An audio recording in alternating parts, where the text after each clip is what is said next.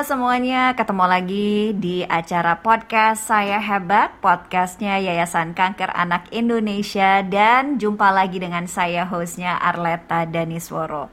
Hari ini saya bersama dengan seorang yang hebat karena beliau adalah um, wakil ketua Yayasan Kanker Anak Indonesia.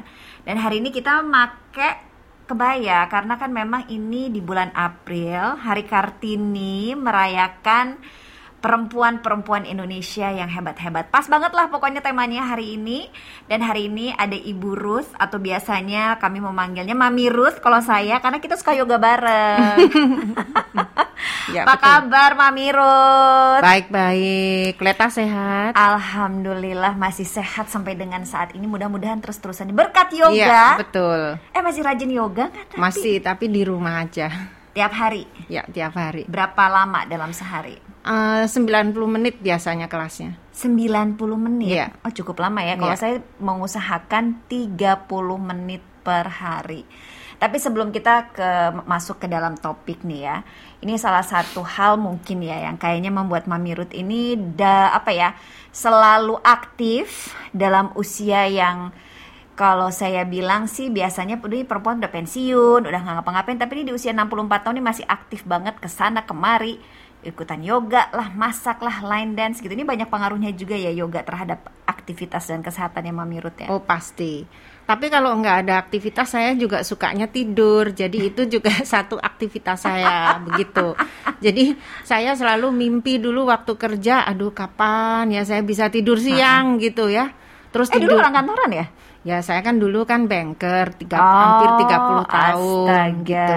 Jadi selalu kepingin banget aduh kapan saya bisa tidur siang terus kalau Sabtu Minggu kita kan selalu banyak aktivitas karena Senin sampai Jumat kan nggak yeah. nggak bisa ngapa-ngapain gitu. Mm -hmm. Jadi waktu habis pensiun tuh kira-kira eh, uh, 10 tahun yang lalu saya aduh nikmat banget tuh tidur siang gitu ya. Tidur siang nikmat terus mau tidur sepuas-puasnya mulai jam 5 sore 6 sore suka-suka. Saya juga begitu sekarang. Kalau nggak ada aktivitas ada kalanya sibuk sekali oke ada kalanya memang uh, lagi di rumah nggak ngapa-ngapain ya saya tidur Hmm, tapi memang tidur tuh penting juga sih gitu ya karena itu yang membuat kita badannya segar lagi supaya kita bisa beraktivitas betul, kembali betul, gitu. Betul, betul. Nah, ngomong-ngomong soal aktivitas gitu ya. Aktifnya sebagai wakil ketua yayasan ini tuh sejak kapan dan mungkin bisa cerita dulu gimana sih sampai akhirnya bisa terjun untuk membantu anak-anak ini. Oke. Okay. Uh, pada dasarnya waktu saya masih uh, kerja di uh, keuangan ya, mm -hmm. sektor keuangan, saya itu memang selalu ngambil bagian oke okay, di filantropi project gitu. Jadi dari dulu memang saya suka sekali oke okay, untuk kerja sosial. Mm -hmm. Kerja sosialnya macam-macam. Oke, okay, dari yang uh, merenovasi sekolah, terus juga bangun air bersih waktu Merapi meletus, oke okay, juga di Lombok, segala macam. Untuk fighting AIDS juga oke okay, di Papua ya, begitu kerjasama dengan uh, banyak banyak instansi karena waktu itu saya kerja di satu perusahaan Amerika yang sangat sangat sangat oke okay, uh, support oke okay, untuk aktivitas semacam ini hmm. begitu. Jadi memang kita me, uh, apa mempunyai uh, grant ya oke okay, yang yang bisa di dikasih mm-hmm. oke okay, untuk membantu semua kegiatan sosial mm-hmm. yang ada di Indonesia. Jadi saya selalu uh, istilahnya jadi ketuanya filantropi. Mm-hmm. Mm-hmm. Nah, waktu saya sudah uh, pensiun, saya diajak seorang teman mau nggak bantu di Yayasan Kanker Anak Indonesia. Nah, memang uh, kalau dilihat ke agak sedikit berbeda. Tapi kalau menurut saya semua kerja sosial itu semuanya sama. Hmm. Nomor satu mesti punya hati, hmm. ya kan. Jadi saya uh, saya dari situ saya melihat karena Yayasan Kanker Anak Indonesia ini kan dimulai dari uh, Ibu Sally, hmm. ya seorang ibu yang memang prihatin terhadap anak-anak dengan kanker begitu ya. Jadi saya uh, terus terang aja uh, memang uh, kegiatannya banyak gitu tapi uh, di organisasinya sendiri barangkali belum sesempurna yang sekarang gitu mm -hmm. Jadi karena saya juga banyak uh, apa namanya pengalaman di manajemen, mm-hmm. jadi saya bantu juga, oke okay, untuk manajemen yayasannya juga, tapi terutama uh, donatur-donatur yang memang belum dijangkau, okay. seperti donatur-donatur yang uh, sifatnya bukan perorangan, hmm. begitu ya perusahaan-perusahaan ya. gitu. Jadi memang saya saya ngelihat apa sih kekurangannya di situ yang saya juga punya saya punya pengalaman dan saya punya kelebihan nah itu yang saya bantu di yayasan jadi total udah berapa tahun nih aktif di sini ada lima tahun kali oh lumayan lama lima ya. tahun nah selama lima tahun ini pengalaman apa nih yang paling berkesan yang mungkin berkaitannya pernah ketemu dengan anak-anak yang pejuang kanker ya kalau uh, pengalaman yang uh, unik oke okay, atau kesan-kesannya sih banyak ya hmm. banyak ya tapi kali yang uh, saya paling tersentuh itu yang uh, kemarin juga baru terjadi itu Apa? beberapa anak-anak laki yang uh, uh, ini ya yang uh, kena kanker tulang hmm. ya.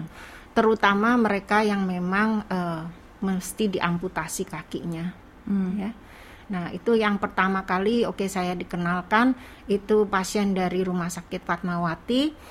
Uh, kita coba bantu tetapi uh, anaknya sepertinya dari depresinya itu nggak bisa mengeluarkan isi hatinya juga ya hmm. nggak bisa berbicara apa sih yang sebetulnya dia rasakan hmm. itu ya dan saya ngelihatnya memang persoalannya ini kalau anak-anak laki terutama teenager itu hmm. ya kan berapa kalau boleh tahu? biasanya tuh 15 16. sampai 17 hmm. tahun begitu ya hmm. ya yang yang yang uh, dioperasi itu atau yang kena kanker tulang itu terus mereka itu banyak dibully sama teman-temannya hmm. hmm. gitu kali juga karena laki merasa ya ampun saya ini udah nggak eh, nggak uh, bisa ngapa-ngapain lagi. Ya. Saya seorang laki-laki, oke, okay, tapi nggak berdaya nih ya. saya ya begitu.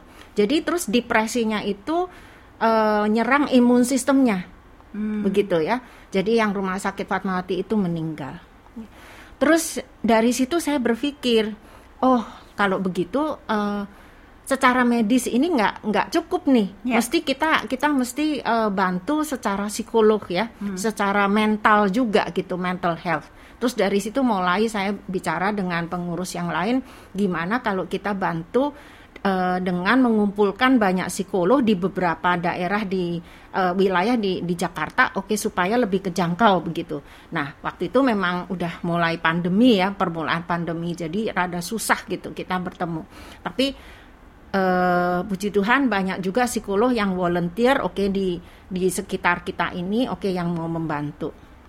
Awalnya sulit karena untuk seseorang berbicara orang tuanya atau pasiennya itu yeah. sulit sekali sulit yeah. sekali karena saya tahu uh, pengalaman saya pribadi oke okay, punya teman oke okay, yang sakit kanker ya mereka bilang kalau kamu menanyakan saya mengenai penyakitku itu saya itu tambah sakit karena hmm. saya selalu teringat hmm. ya kan teringat penyakit saya begitu hmm. Hmm. jadi itu pengalaman pribadi saya ya jangan jangan jangan tanya mengenai yeah. dokter ngomong apa diagnosnya apa nah itu dia sakit sekali dia hmm. tambah sakit karena ingat sakitnya yeah, itu yeah.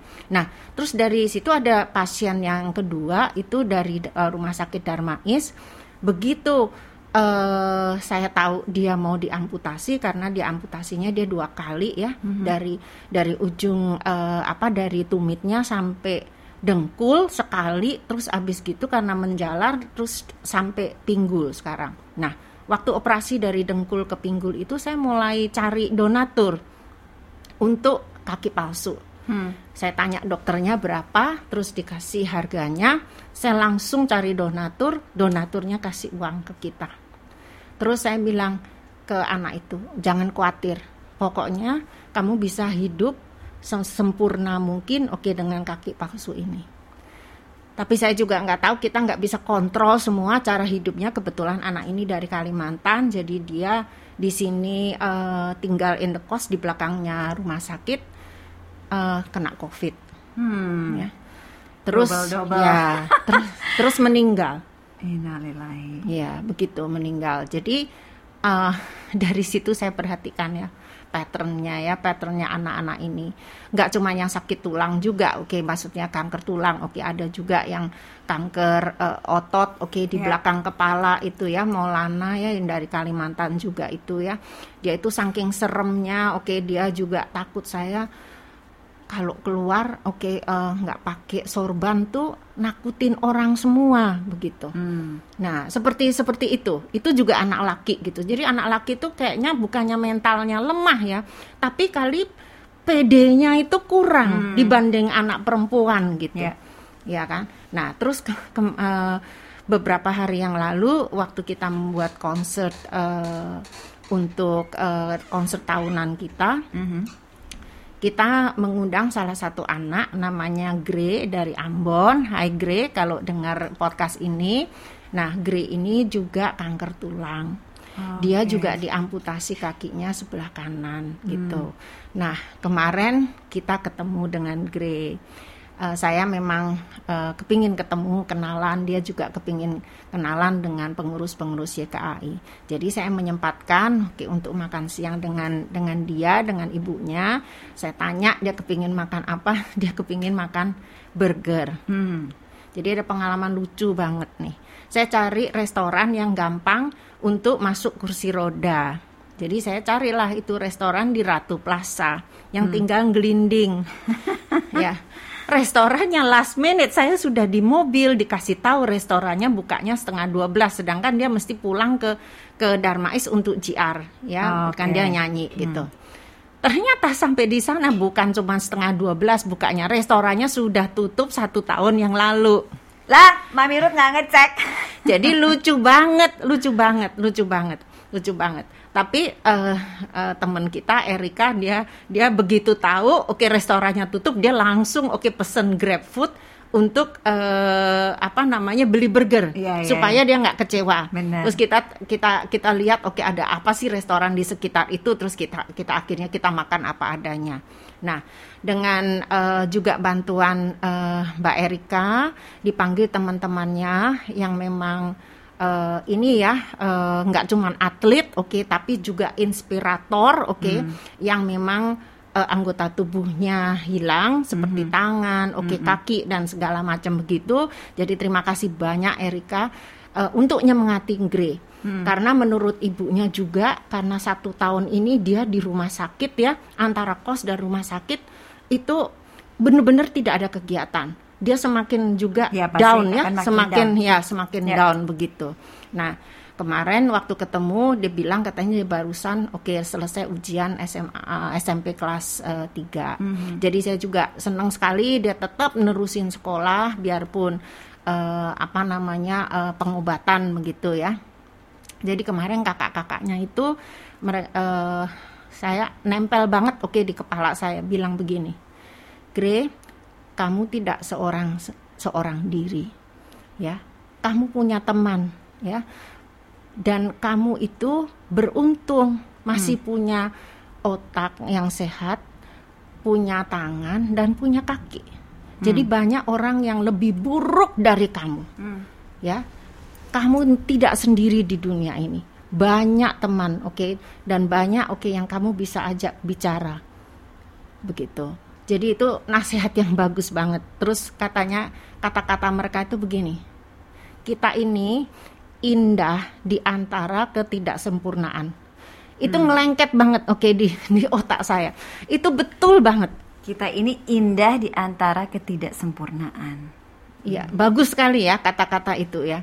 Jadi itu uh, dari atlet-atlet kemarin salah satu atlet uh, apa namanya para pon ya yeah. ya yang yang juga nggak punya kaki satu yeah. jadi mm -hmm. dia nasihatin Grey uh, mereka tuker-tukeran uh, apa kontak ya uh, IG dan segala macam jadi kalau ada apa-apa tolong oke okay, ya kan selalu hubungin kita kita juga mau bantu supaya kamu itu lebih kuat badannya gitu ya karena Grey ini sedang proses udah selesai semuanya sedang proses pengukuran kaki palsu. Hmm. Nah, yang lebih hebat lagi, lebih hebat lagi karena saya di, saya diberitahu bahwa dananya itu tidak cukup hmm. untuk me, apa namanya membuat untuk kaki, kaki palsu. palsu itu.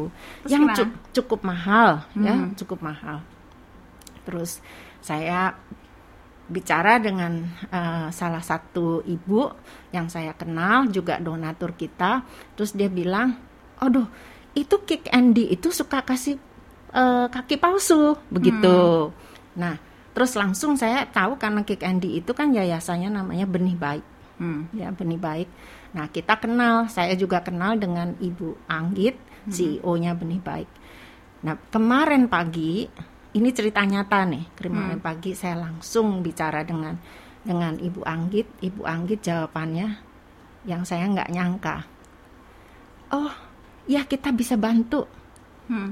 gratis hmm. ya terus uh, kalau misalnya anaknya juga sedang tahap awal didiagnose kita pun bisa bisa tunggu oke okay, sampai anak itu ya menjalani amputasinya operasinya terus kemoterapinya dan segala macam gitu Nah, saya kasih tahu Ibu Anggit, enggak Bu, ini sudah tahap pengukuran gitu hmm. karena dia mesti pulang ke Ambon juga gitu. Terus oh ya kita bantu. Terus dalam berapa menit langsung asistennya uh, hubungin saya juga, dia minta data-datanya. Jadi kemarin itu ya hari yang sangat indah. Jadi Gre pulang ke Darmais, dia cerita dengan suster, dengan Neti, uh, suster Neti, dia sampai menangis. Dia bilang dia nggak nyangka gitu ya orang banyak yang support dia banyak yang uh, apa mau berteman dengan dia yang merhatikan dia begitu ya dia nggak nyangka sama sekali hmm. gitu apalagi kan dia kan bukan orang Jakarta asli yeah. gitu ya hmm. jadi uh, terus yang lebih uh, dia terharu sekali itu yaitu dapat kaki palsu itu yeah. gitu jadi dia pulang benar-benar dengan ini ya, dengan hati yang bahagia. Iya, iya, iya. Tapi gini loh Mami Ruth, maksudnya saya tuh percaya ya, apa pun yang kita baca, apa pun pengalaman kita itu tuh bisa memperkaya diri kita gitu ya. Nah, saya yakin pasti dengan terlibatannya ada keterlibatan Mami Ruth di sini sebagai wakil ketua yayasan pasti itu memperkaya diri juga gitu ya. Apa nih yang selama ini yang didapat dan berdampak pada kehidupan pribadi Mami Ruth? Seperti tadi saya bilang kan memang pada dasarnya kan saya suka kerja sosial mm -hmm. ya gitu ya. Jadi uh, kalau dibilang oke okay, dampaknya banyak dampaknya ya. Uh, saya nggak bisa tidur siang kadang-kadang. itu dampaknya kan secara pribadi.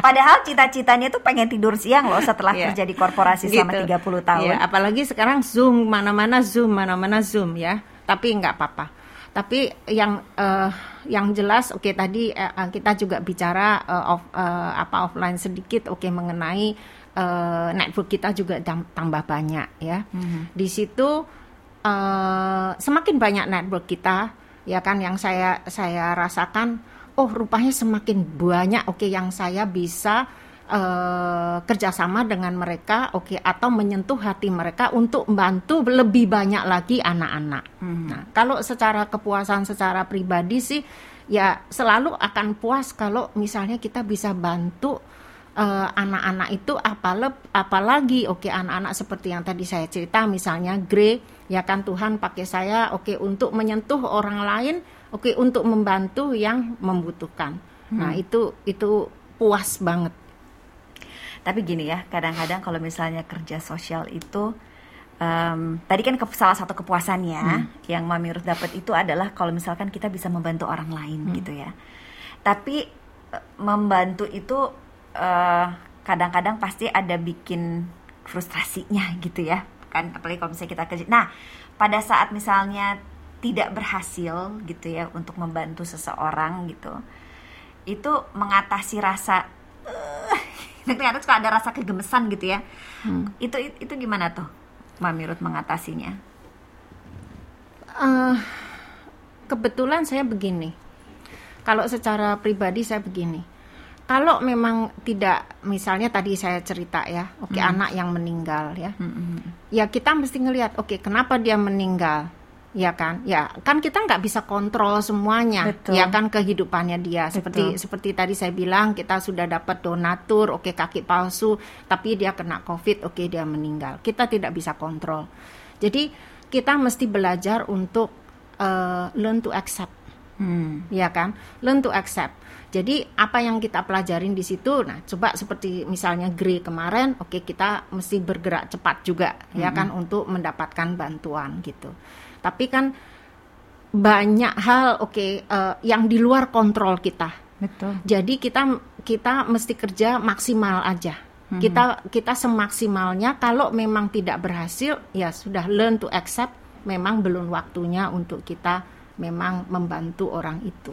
Nah itu dia learn to accept itu tuh yang kadang-kadang jadi hmm. bikin kita mungkin jadinya makanya ada rasa frustrasi, ada rasa stres dan lain sebagainya.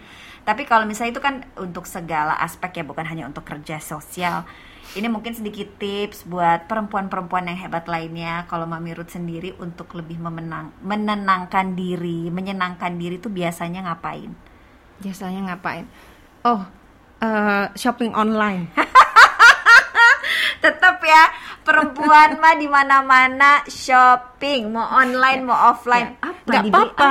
Nggak apa-apa taruh aja di keranjang dulu gitu ya. Atau Mas, di wishlist oh. oke okay, nah. Nanti karena keranjangnya ah udah besoknya terus langsung ah nggak mau lagi oke kita ganti lagi. Saya begitu aja udah saya taruh di keranjang. Jadi keranjangnya selalu penuh walaupun belum tentu dibayar gitu ya.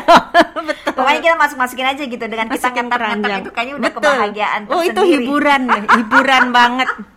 Ternyata hiburannya gampang banget nih sampai kita online aja shopping aja iya. gampang gitu. Kan ya. sekarang kita nggak ke mall. Iya. Eh udah udah udah mulai bisa nih oh, sekarang. Bisa. Kita udah yeah. bisa udah bisa mulai jalan-jalan lagi. Segala sesuatu udah di udah dilonggarkan gitu kan.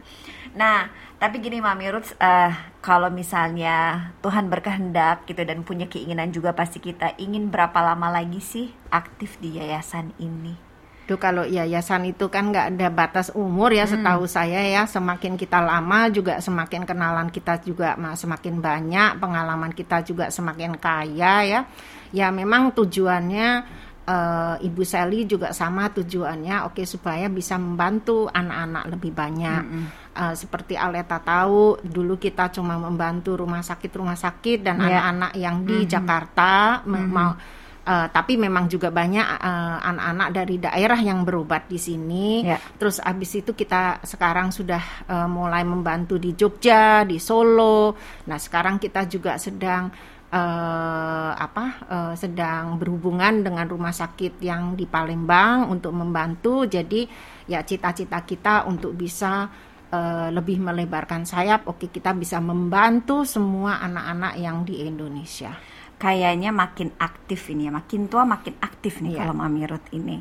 Nah dan saya juga memang sudah berkenalan dengan Yayasan Kanker Anak itu mungkin setahun lebih kali ya, dua lebih, lebih ya, lebih hmm. dari lebih dari setahun lah. Dan saya perhatikan memang udah semakin berkembang dan melebarkan sayap.